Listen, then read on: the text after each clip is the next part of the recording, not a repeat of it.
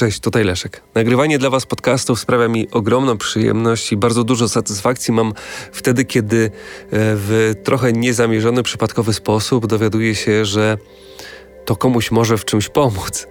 Bo faktycznie mało osób rozmawia o rzeczach często trudnych i tak samo trudnym będzie dla nas gorycz, trudno dla nas będzie gorycz porażki, ale ona jest nieunikniona zarówno w sferze osobistej, zawodowej, jak i również tej sportowej to właśnie błędy e, sprawiają, że mamy możliwość wyciągać wnioski i być lepszymi. To też często zmiany, których tak bardzo się boimy, a które e, najczęściej wychodzą nam na dobre. Ja sam się dziesiątki razy o tym przekonywałem, że rzeczy, które z pozoru są złe, tak naprawdę są niezwykle ważne w naszym życiu e, i pożyteczne w dłuższej perspektywie. Dzisiaj chciałem Wam powiedzieć o takich y, sześciu rzeczach, które mm, teoretycznie na początku wydawały się być porażką, a potem jednak przekuwały się w coś dobrego.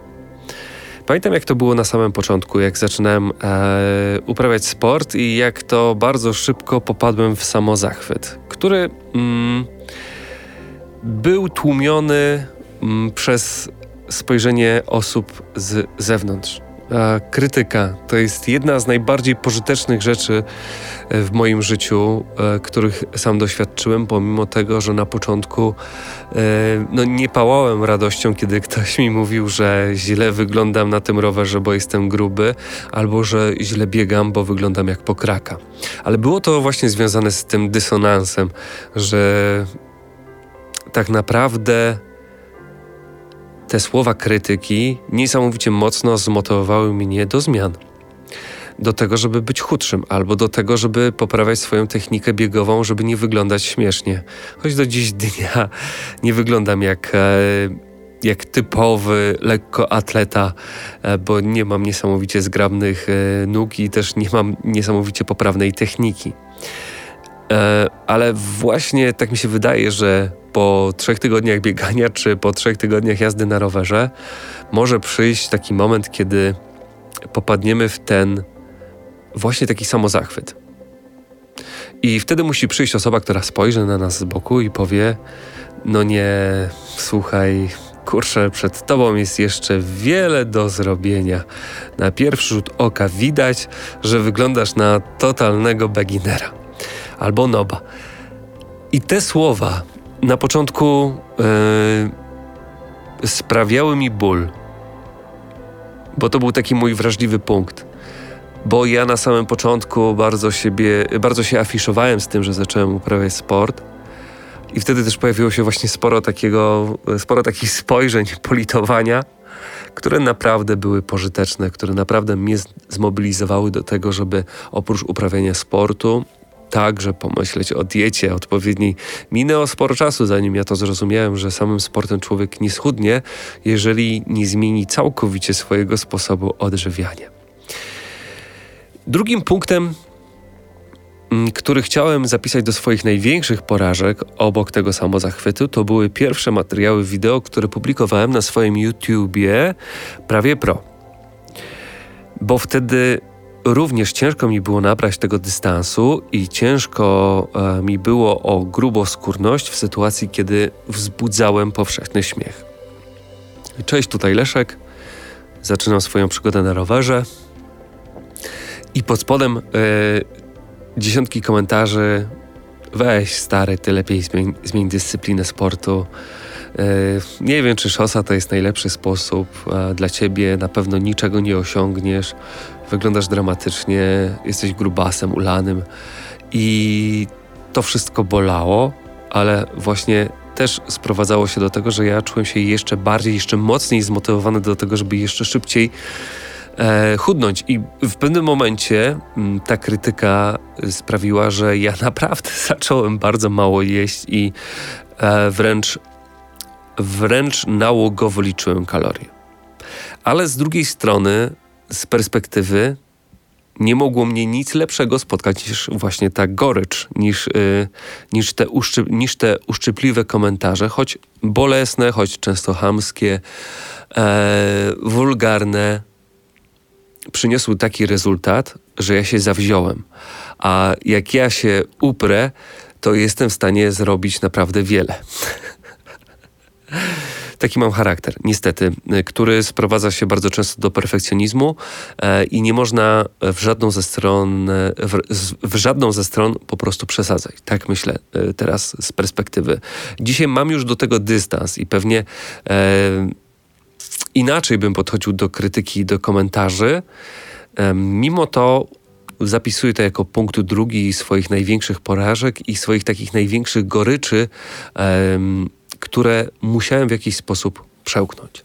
Trzecim takim etapem mojego rozwoju sportowego to były pierwsze zawody, e, kiedy to owszem już e, schudłem i ważyłem w okolicach 80 kg, a nie 110 e, i, myślałem, że tak naprawdę samo to odchudzanie i sama ta redukcja masy to jest wszystko albo zdecydowana większość rzeczy, które, które mógłbym zrobić.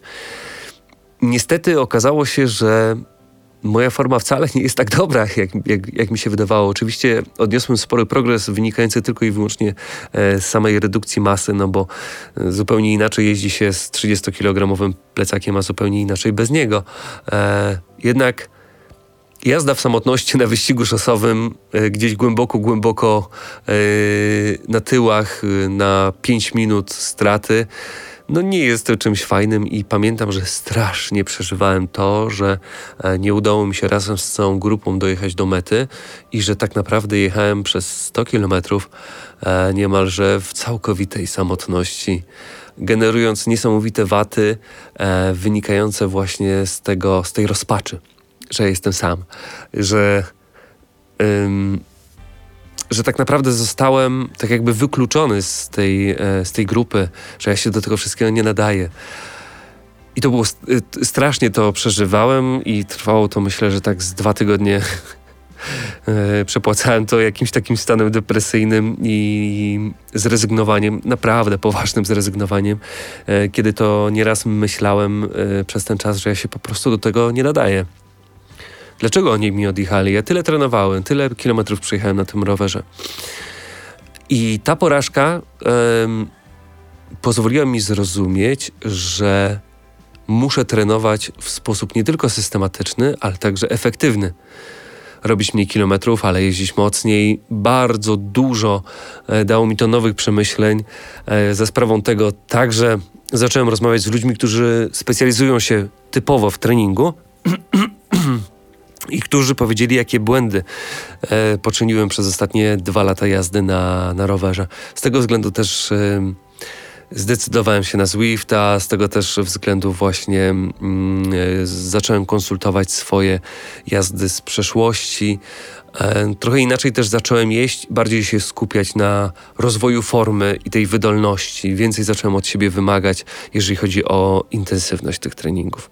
Punktem czwartym będzie moje pierwsze pływanie open water i pierwsze ataki paniki, e, kiedy to zdałem sobie sprawę z tego, że triatlon to wcale nie jest lekki kawałek chleba i że tutaj jest bardzo dużo do zrobienia, do zrobienia jeżeli chodzi o moją sferę psychiczną. Że nie wszystkie problemy z przeszłości zostały przeze mnie w należyty sposób rozwiązane e, i że jeżeli chodzi o pływanie, samą technikę, a także wytrzymałość oraz prędkości jest bardzo dużo do, do zrobienia. Wtedy nieraz miałem okazję doświadczać, wchodząc e, do wody albo biorąc e, udział w swoich pierwszych zawodach triatlonowych, E, doświadczałem takiej niesamowitej lekcji pokory, kiedy to za każdym razem zostałem sprowadzany po prostu do parteru. Emocjonalnie to było dla mnie też całkiem trudne, ale z drugiej strony determinacja e, i upór nie pozwalały mi, żeby odpuścić. Postanowiłem walczyć e, właściwie prawie że podczas każdego startu i na każdym treningu z atakami paniki, które towarzyszą mi do dziś, a COVID w tym wszystkim nie pomaga, bo nie mam możliwości tak naprawdę treningu e, na basenie, niestety, żeby pójść na jakiś kurs, który to po prostu poprawiałby moją um, poprawiałby moje pływanie, dzięki czemu czułbym się odrobinę pewniej w tej, w tej wodzie. Ale jest to też jedna z takich porażek, o których e, nagrywałem nie jeden film wideo, e, gdzie to starałem się tłumaczyć, na czym polega właśnie ten lęk przed otwartą wodą, e, czym on jest podyktowany i jak z każdym dniem starałem się nabierać troszeczkę pewności siebie. Ale to też był taki właśnie element zwrotny w mojej, duży cudzysłów, karierze tej sportowej. Jeżeli chodzi o karierę, ale moją zawodową, to odnosiłem bardzo dużo porażek yy, pracując w mediach. Nie wiem, czy uwierzycie, być może nie, ale e, zaczynałem swoją pracę zawodową e, w wieku 15 lat. Kiedy byłem uczniem gimnazjum, e, uparłem się, że będę pracować w radiu i że będę praktykantem. E, na początku człowiekiem odnoszenia kawy, chodzenia do baru mlecznego po pierogi, człowieka, którego się którym się pomiata. I będąc takim młodym nastolatem, e, byłem często e, właśnie źle traktowany przez, e, przez innych ludzi, i to też za każdym razem były takie bardzo bolesne doświadczenia, kiedy to na zmianę uważałem, że złapałem Boga za nogi, a za chwilę miałem wrażenie, że jestem właśnie gównowarty. Bo trafiałem na różnych ludzi. E, jedni dawali mi szansę, e, dawali mi kredyt zaufania, a drudzy po prostu uważali, że jestem śmieciem, e, którego po prostu z założenia trzeba źle traktować, żeby samemu móc poprawić swoją, swoją własną wartość naprawdę jest wiele osób, którym jestem wdzięczny za ten swój etap, um, za ten etap swoich początków w radiu, kiedy to właśnie walczyłem o to, żeby, żeby pracować na antenie albo z anteną, ją realizując albo prowadząc własne programy, albo pisząc pierwsze newsy, montując pierwsze dźwięki. Jedni dawali mi właśnie szansę, a inni mówili, żebym spieprzał. Mm, znam i pamiętam do dziś dnia te wszystkie osoby, zarówno od tej dobrej, jak i również złe, złej strony. Pierwszy samozachwyt miał miejsce chyba kiedy miałem 17 i 18 lat. Wtedy dostawałem, wtedy miałem okazję e, przenosić się z jednej stacji do drugiej, z jednej, z jednej mnie wyrzucono, mówiąc telefonicznie, lakonicznie, żebym już więcej nie przychodził. W drugiej zatrudniono mnie za 200 zł. Prowadziłem swój dwugodzinny program w soboty mm, wieczorem, taki, taki autorski. Potem e, po raz kolejny zmieniłem stację, gdzie miałem e, normalne, regularne, weekendowe pasma, równocześnie się uczyłem, a potem dostałem możliwość pracy w RMF-ie jako producent dźwięku, realizator anteny na żywo, konkretnie faktów. E, I tam dostałem ogromny wycisk. Pojawiłem się tam właśnie, będąc e, świeżo po maturze, wśród ludzi, którzy e, znają się od 15, od nastu w każdym, w każdym razie lat.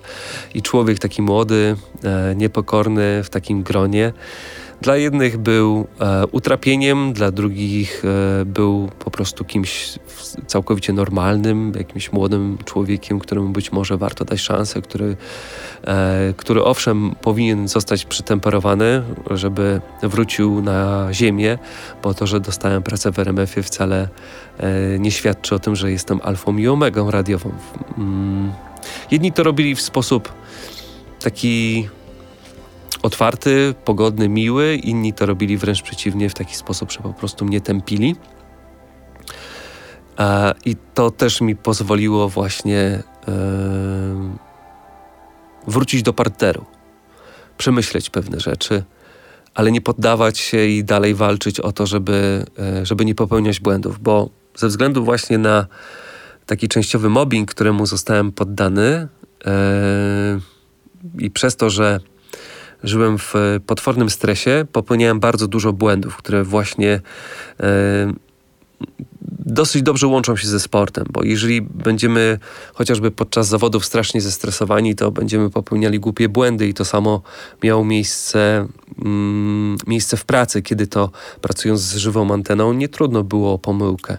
Popełnienie jednego błędu od razu ciągnie ze sobą e, drugi błąd, trzeci już jest katastrofą i takie dni też mam za sobą, kiedy to jednego byłem dumny z siebie, a drugiego odnosiłem kolosalną porażkę, którą przeżywałem przez tydzień albo przez dwa, e, kiedy to pojawiały się takie wtopy e, robione przeze mnie, które były jeszcze nakręcane tym błędnym kołem e, takiego, mm, takiego poczucia właśnie złej własnej wartości, gdzie to miałem wrażenie, że niektórzy ludzie właśnie czekali na ten mój błąd i dzięki temu mieli kolejną pożywkę, żeby, żeby się pastwić psychicznie po prostu nade mną.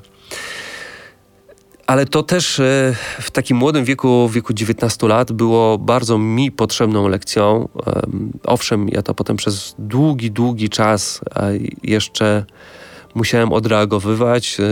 Z tego względu też właśnie u mnie potem pojawiła się depresja, pojawiła się nerwica i było to niesamowicie stresujące, ale też niesamowicie przyspieszyło proces e, dorastania kształtowania y, mojej psychiki. Oczywiście skutkiem ubocznym tego były te schorzenia, o których Wam mówiłem, e, na które cierpię do dziś dnia. Ale miało to też oczywiście swoje bardzo pozytywne strony, bo zyskałem bardzo dużo doświadczenia e, tego radiowego. Zostały u mnie też zaszczepione pewne cechy charakteru, które mi pomagają w sporcie i pomagają mi teraz, nawet kiedy jestem poza mediami, prawie poza mediami, kiedy to prowadzę e, swój e, własny biznes, taka dokładność, sumienność, weryfikowanie wielu różnych rzeczy bardzo, mm, bardzo mi pomaga. Takie doświadczenia też były oczywiście cenne potem E, po kilku latach na rynku pracy, kiedy to mm, pracowałem w kolejnych stacjach radiowych, e, gdzie to po prostu miałem okazję być lepszym i, i wielu osobom po prostu zależało na, na, tym, żeby zatrudnić człowieka, który był po, po takich różnych właśnie dziwnych przejściach. A, z, a zwolniłem się e, w Krakowie z pracy dokładnie w tym momencie, kiedy wszystko już zaczęło się układać, kiedy kiedy zyskałem więcej akceptacji, kiedy już przestałem popełniać błędy, kiedy zyskałem bardzo dużo doświadczenia i stałem się człowiekiem e, w cudzysłowie niezawodnym, który był w pewien sposób trochę zautomatyzowany i przez to mniej skory do popełnienia, mm, do popełnienia błędów po prostu. Ale y, tamte katastrofy, y, które miały miejsce w wieku 18 czy też 19 lat, 20, suma summarum były potrzebnymi mi rzeczami. Pomimo tego, że były bolesne.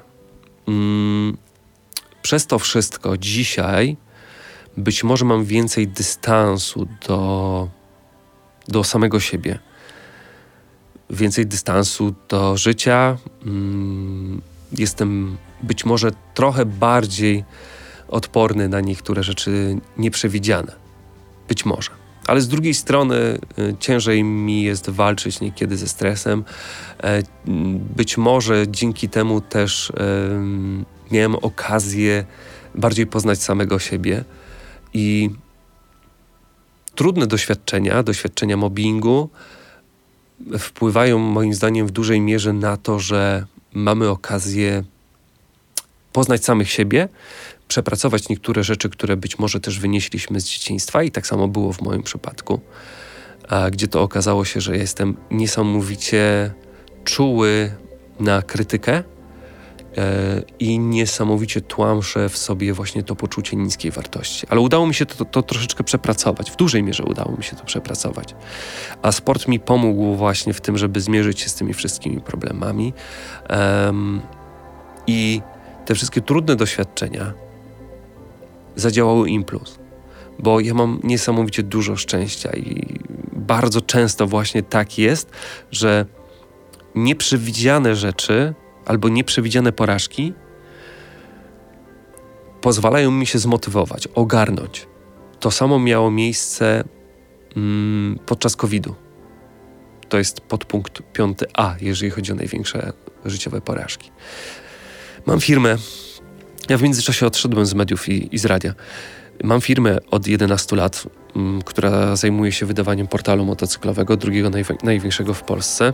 Branża motocyklowa w Polsce jest ciężka e, i ona bardzo ucierpiała na skutek e, COVID-u, przynajmniej w pierwszym, drugim kwartale. E, I na skutek tego straciłem bardzo dużo kontraktów reklamowych dla tego portalu. Mm, I to się działo praktycznie z dnia na dzień. I utrata tych wszystkich kontraktów wpłynęła na to, że ja niesamowicie byłem zmobilizowany, zdeterminowany do tego, żeby przyspieszyć rozwój swojej własnej marki odzieżowej Prawie Pro. I właśnie ta chwilowa determinacja, ten kop w dupę niesamowity, pomógł mi przezwyciężyć e, finansową katastrofę, jaka by mnie czekała. Naprawdę. I spotkałem się z tak ogromnym wsparciem, tak ogromnej ilości osób, których nie znam. Was po prostu. Ludzi, którzy słuchają moje podcasty, którzy oglądają e, moje wideo na YouTubie, czy też podglądają mnie gdzieś tam na Instagramie, do którego, do którego odsyłam. To jest niesamowite. Ja bym nie, zna, nie zaznał tego dobra ludzi, gdyby właśnie nie ta determinacja moja. Bo ja się zaangażowałem w stu procentach, perfekcjonistycznie wręcz w stosunku do tego sklepu i w stosunku do tej odzieży, jakości obsługi itd., tak itd. Tak Widzicie, to są znowu rzeczy takie, które wyniosłem z przeszłości. Ta determinacja, e, ten upór właśnie e, wyniosłem A z dzieciństwa, B z mediów. Bo ode mnie właśnie tego wymagano pełnej determinacji, pełnego poświęcenia, 300% e, zaangażowania.